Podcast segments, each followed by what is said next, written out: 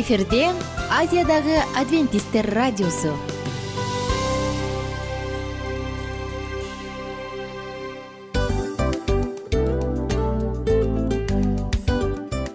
Салам достор.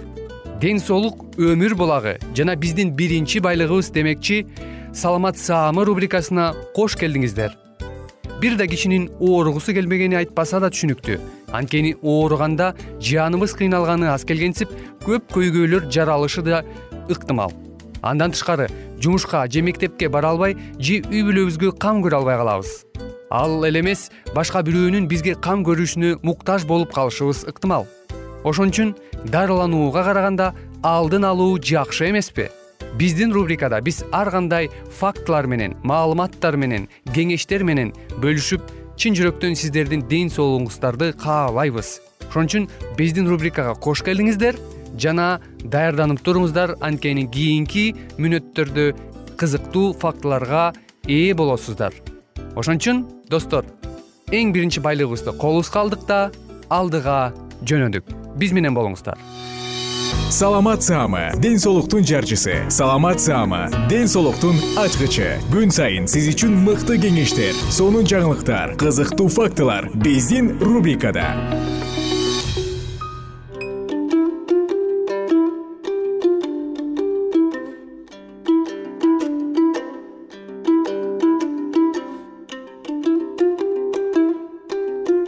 Саламатсыздарбы кадырман угармандар ар бир эле адам өз жашоосунда стресс же депрессияга кабылышы толук мүмкүн.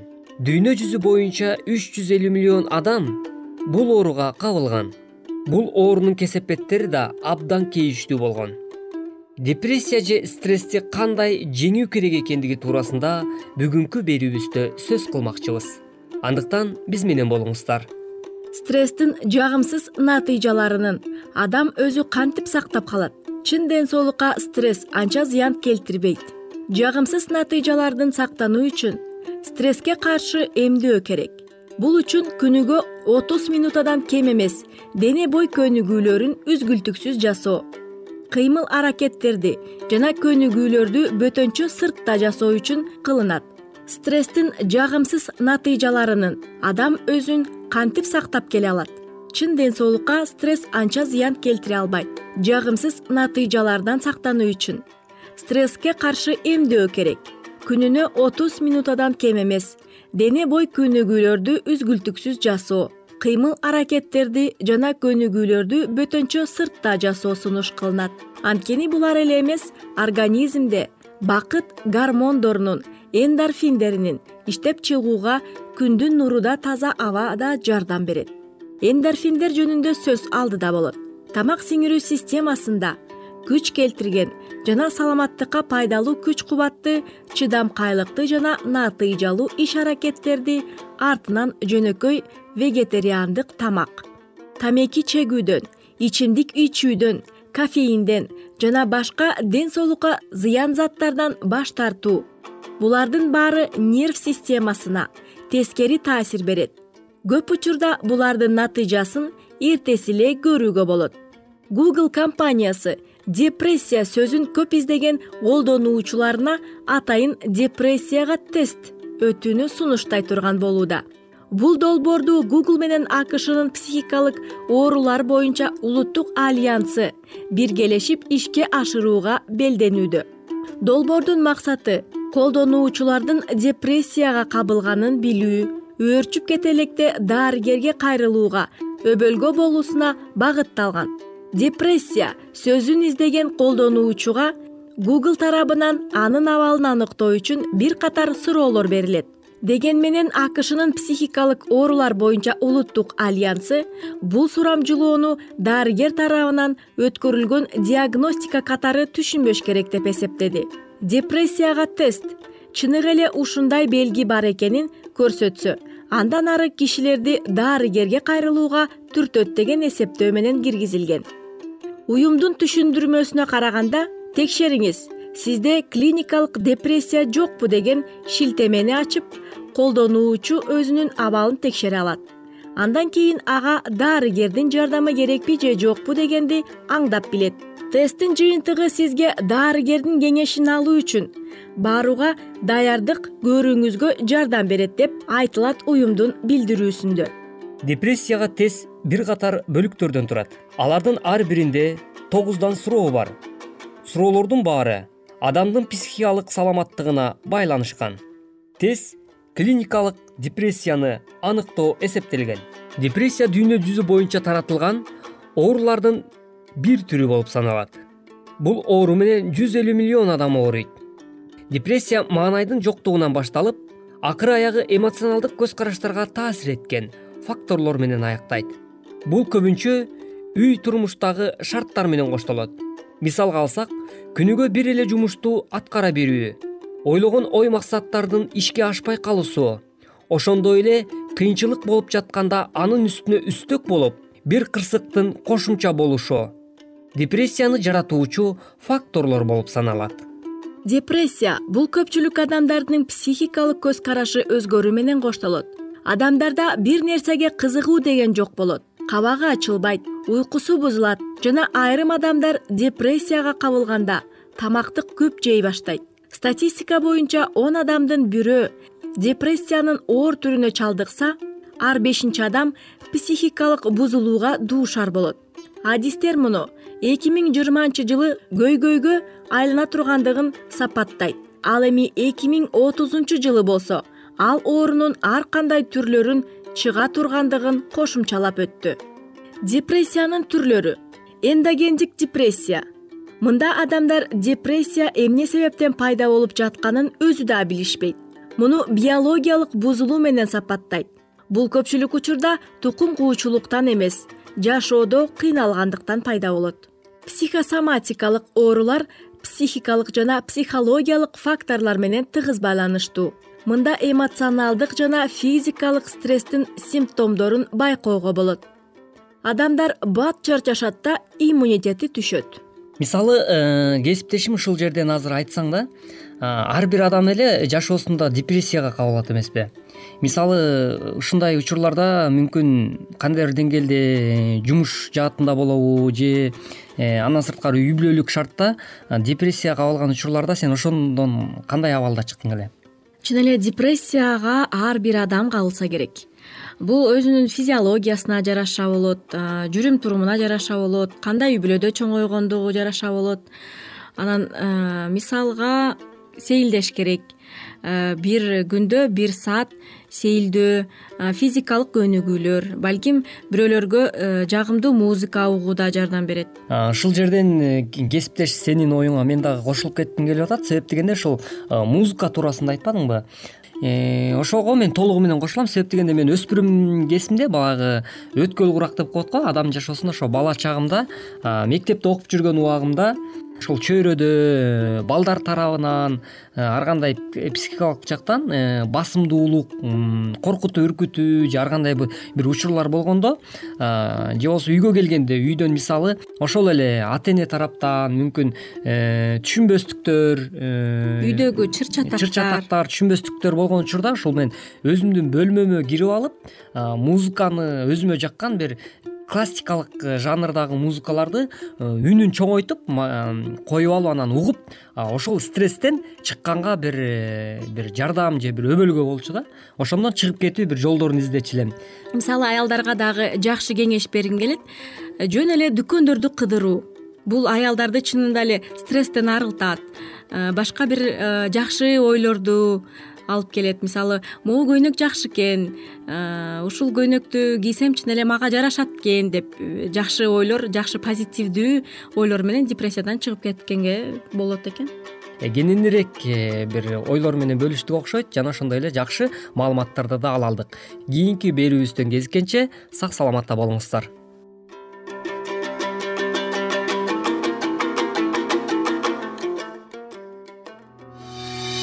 саламат саама ден соолуктун жарчысы. Саламат саама ден соолуктун ачкычы. Күн сайын сиз үчүн мыкты кеңештер сонун жаңылыктар кызыктуу фактылар биздин рубрикада.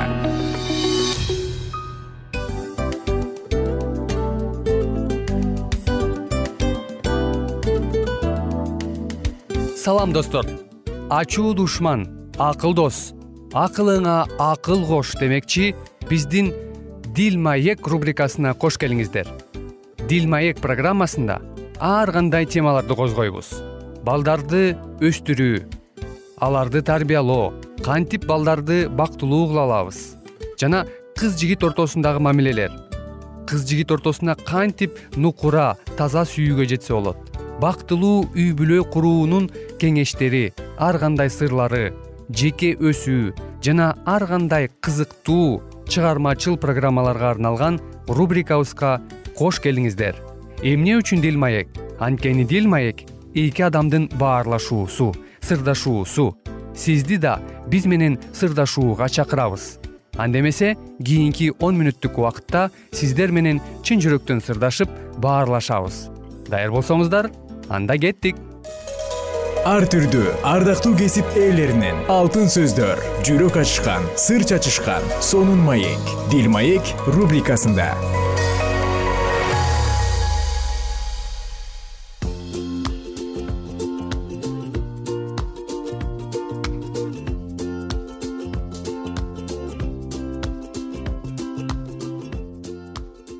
Кутман күнүңүздөр менен жалпы биздин замандаштарыбыз бүгүн кайрадан дил маек уктуруусунан старт алдык. Микрофондо мен мику жана менин кесиптешим аку сиздерге сүйүү темасына арналган ар кандай кызыктуу маектерди тартууламакчыбыз мику менен аку бүгүн сиздерге бир сонун теманы тартуулайлы деп турабыз. Эгер азыр бир жыйырма беш жашка чейин болсоңуз үй бүлө кура элек болсоңуз анда бул тема сизге эң чоң жардам берет. Демек теманы айта өтсөк канча жаштан баштап жолугушууларга бара башташ керек? Карачы канча жаштан баштап? Негизи биздин уктуруулардын кээ бир программаларда биз айтып кеткенбиз. Негизи ошо жолугушуунун свиданиянын маңызын керектүүлүгүн мотивин э? Мотивин жаман жактарын жакшы жактарын айттык. Ошого ошонун баарын жыйынтыктап албетте биз свидание керектүү жолугушуу керектүү деп айтып атабыз. Бирок канча жаштан башталышы керек?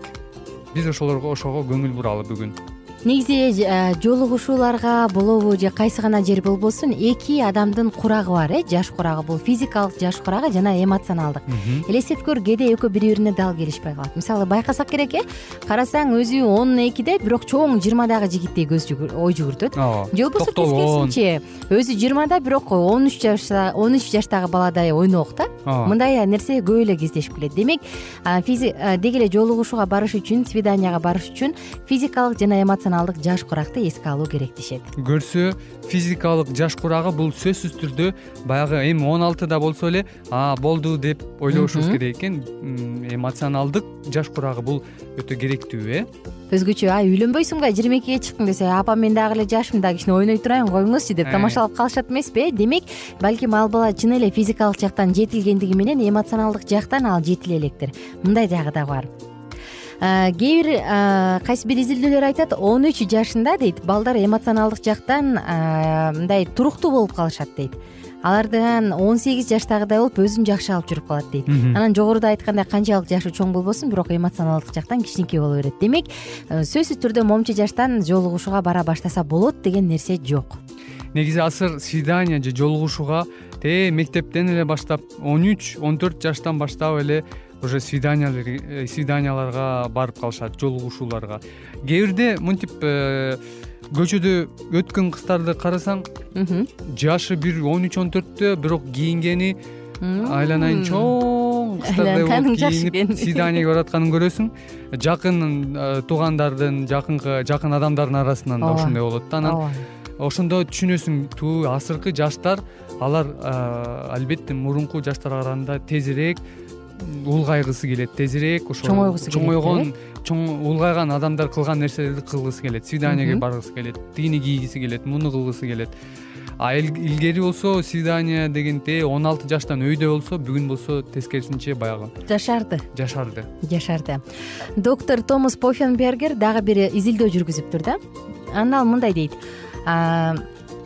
Орто жана кичинекей мектепте мектептеги мектеп окуучуларынын арасынан дейт көпчүлүгү он үч жашында жолугушууларга бара баштаган дейт. Ии дебейсиңби ал эми алардын беш пайызы он эки жашында эле биринчи сүйүүсүн башынан өткөргөн дейт. Ал эми тогуз пайызы он үч жаштан дейт. Элестетип көр э демек он үч он төрт жаш куракта ар бири жок дегенде бир жолу жолугушууга барып калат экен. Анан кыздар менен балдардын жетилгендиги жөнүндө жетилгендигин айта турган болсок салыштырганга болбойт. Анткени баарына маалым кыздар мырзаларга караганда бир эки жыл мурун жетилип бир эки жыл мурун чоңоюшат кантсе дагы биз бүгүн айтып кеттик э? Жашы анын баягы жетилгендиктин белгиси эмес. Жетилгендик бул баягы аң сезимде болот э? Ошон үчүн э, ата энелер биз жаштар менен балдарыбыз кыздарыбыз менен чогуу иштешибиз керек. Анткени свидание жолугушуу бул өзү жаман нерсе эмес. Жолугушууга барба деген ата энелер дагы бул туура эмес кылганы. Андан бирок тескерисинче жолугушууларга такыр көңүл бурбай э, кичинекей балдарын өзүнүн өспүрүмдөрүн өзүң эмне кылсаң ошо кыл деп кое берип койгону дагы бул туура эмес. Анткени бүгүн тилекке каршы биздин өспүрүмдөр голливуддун кинолордун интернеттин э, таасирин аркылуу өсүп жатышат. Аякта эмнени кандай нормалдуу эми жаман нерселер нормалдуу болуп көрүнүп турат. Ошон үчүн биз баягы даанышмандык менен э, мамиле кылышыбыз керек. Эгерде жолугушуулардан баш тартырып койсок алар өздөрүнө жабык баягы замкнутый дегендей баягы анча жакшы билбей калат да башка бир башка бир жынысты. Ооба. Ал эми аябай эле боштондук кылып койсок анын өзүнүн жаман жактары бар. Ошон үчүн э, биз чоңдор ата энелер ошону контролдошубуз керек экен ал эмес мику өспүрүмдөрдүн өздөрүнүн качан сурамжылоо жүргүзүп сиздин оюңузча канча жаштан жолугушууга бара башташ керек дегенде көпчүлүк пайызы он бир пайызы он үч он төрт жашта барыш керек дептир ал эми өспүрүмдөрдүн алтымыш жети пайызы он беш он алты жашта барыш керек дейт. Ал эми калган аз бөлүгү он жети он сегиз жашта барыш керек дейт. Анан албетте а демек бул нормалдуу экен деп туруп ата эне аларга аларды ооздуктабай кененчилик берип койсо эркиндик. Анда бул жоопкерчиликсиз болуп калат. Эгерде таптакыр эле жок барганга болбойт десе анда бул деспотизм. Мына ошондуктан жарым кылым мурун он алты жашта жолугушууга баруу нормалдуу көрүнүш десе азыр бул жаш жогоруда сен айтып өткөндөй өтө эле жашарып кеткен. Кызыктуу бир психолог үй бүлөлүк психолог мындай бир кеңеш берет экен. Албетте эгерде сиз э, ата эне катары өспүрүмүңүз менен жакшы мамиледе болсоңуз эгерде кызыңыз же балаңыз мага тигил жагып калды же бул жагып калды болсо аны урушпай аны аны күлбөй эч кандай баягы эмоционалдык неме ката кетирбей тескерисинче дос болуп жардам беришибиз керек экен. Жада калса дейт э, үйүңөргө чакыргыла чогуу бир жерге баргыла ал менен жакын таанышкыла дейт. Бул абдан жакшы жардам бере алат дейт. Бирок сөзсүз түрдө албетте жолугушуу бул кандайдыр бир мындай.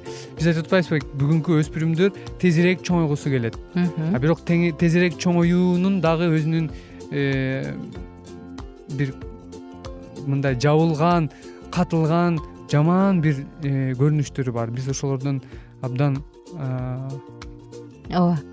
көңүл бурушубуз керек. Ооба туура айта кеттиң анда жолугушууларда дагы ал эмес адам баягы эмоционалдык жактан да жетилиши керек дебедикпи кызыктуу адам болгонго үйрөнүшү керек.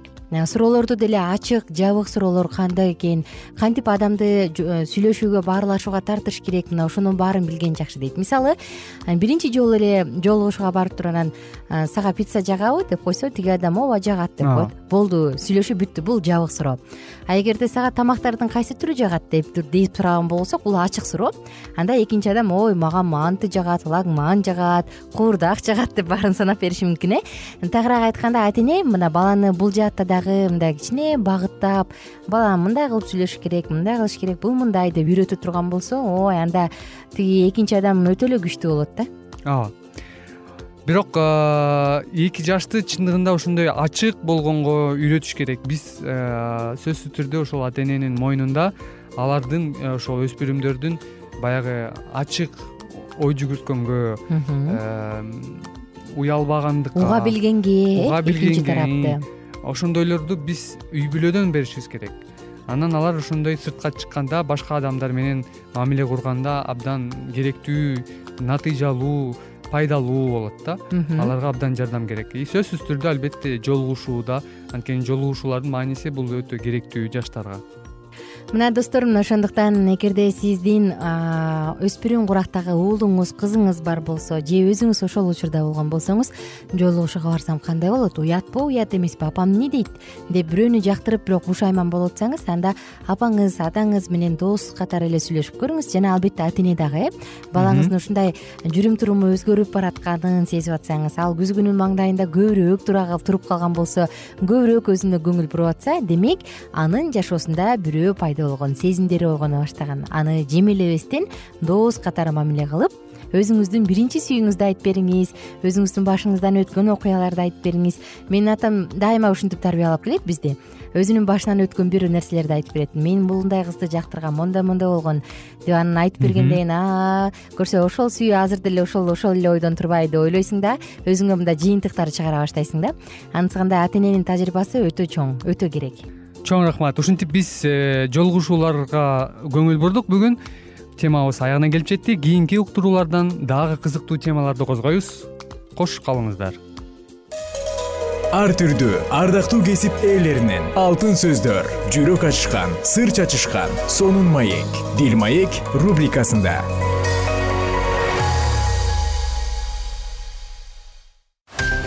жан дүйнөңдү байыткан жүрөгүңдү азыктанткан жашооңо маңыз тартуулаган жан азык рубрикасы.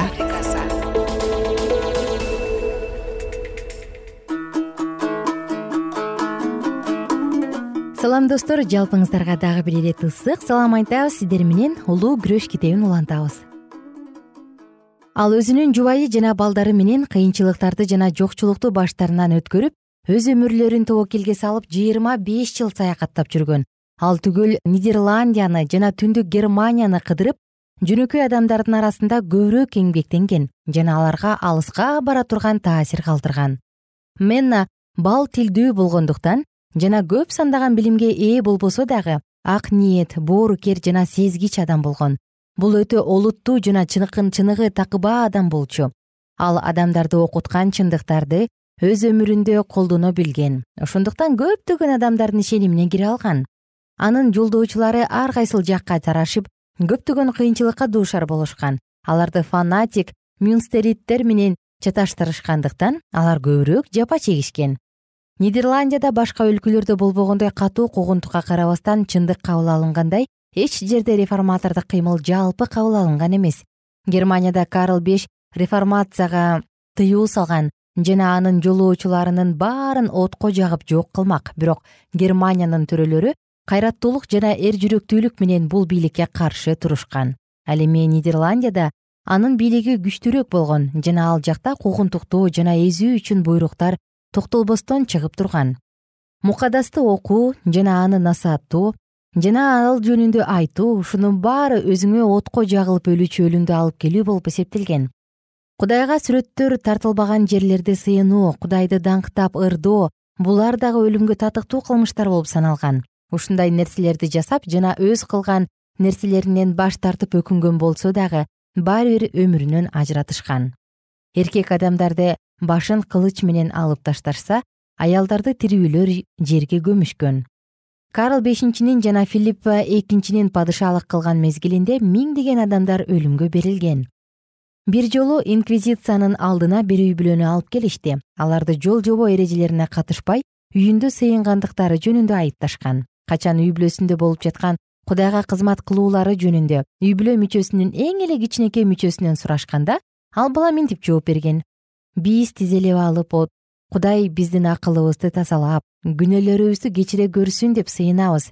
Биз өзүбүздүн падышабыз үчүн дагы анын башкаруусунда жакшылык болуп өзү бактылуу болсун деп сыйынабыз. Биз өзүбүздүн шаар башчыларыбыз үчүн дагы аларды кудай колдосун деп сыйынабыз.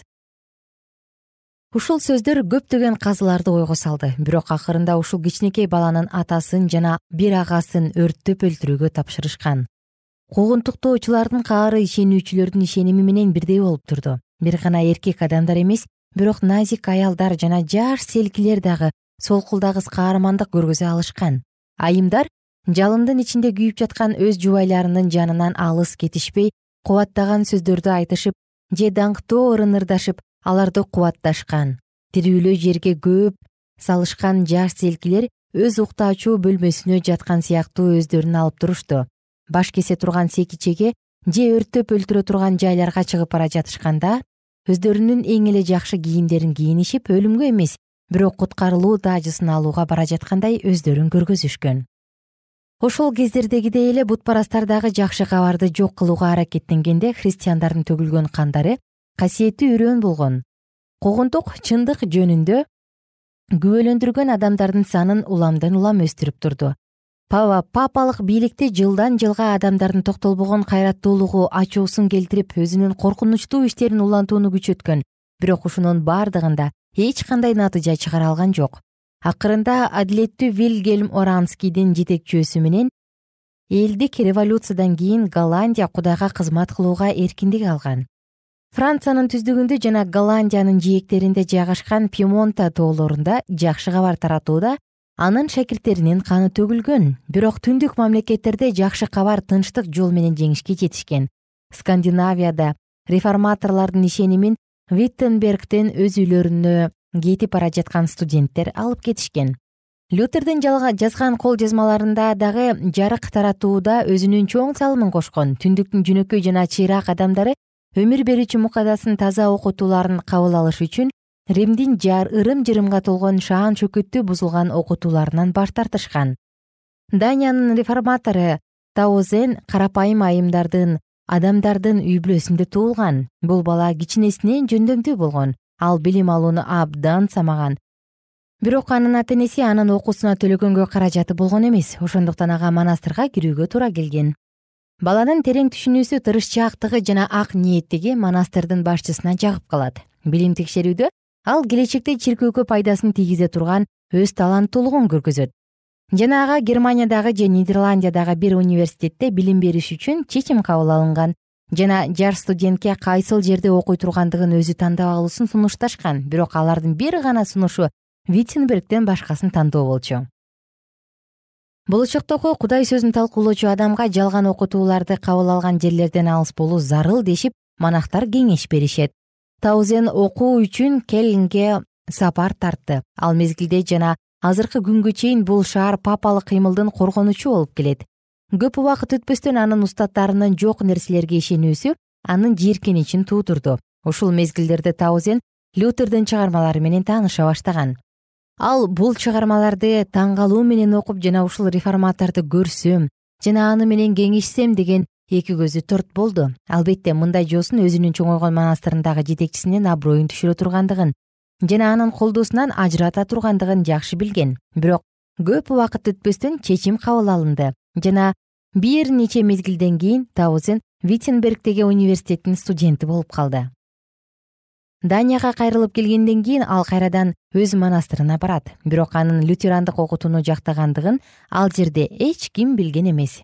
Ал өзүнүн жашыруун сырын эч кимге ачкан жок бирок өз жолдошторунун арасында талам тартыш болбош үчүн аларды акырындык менен таза жана ыйык ишенимге багыттаган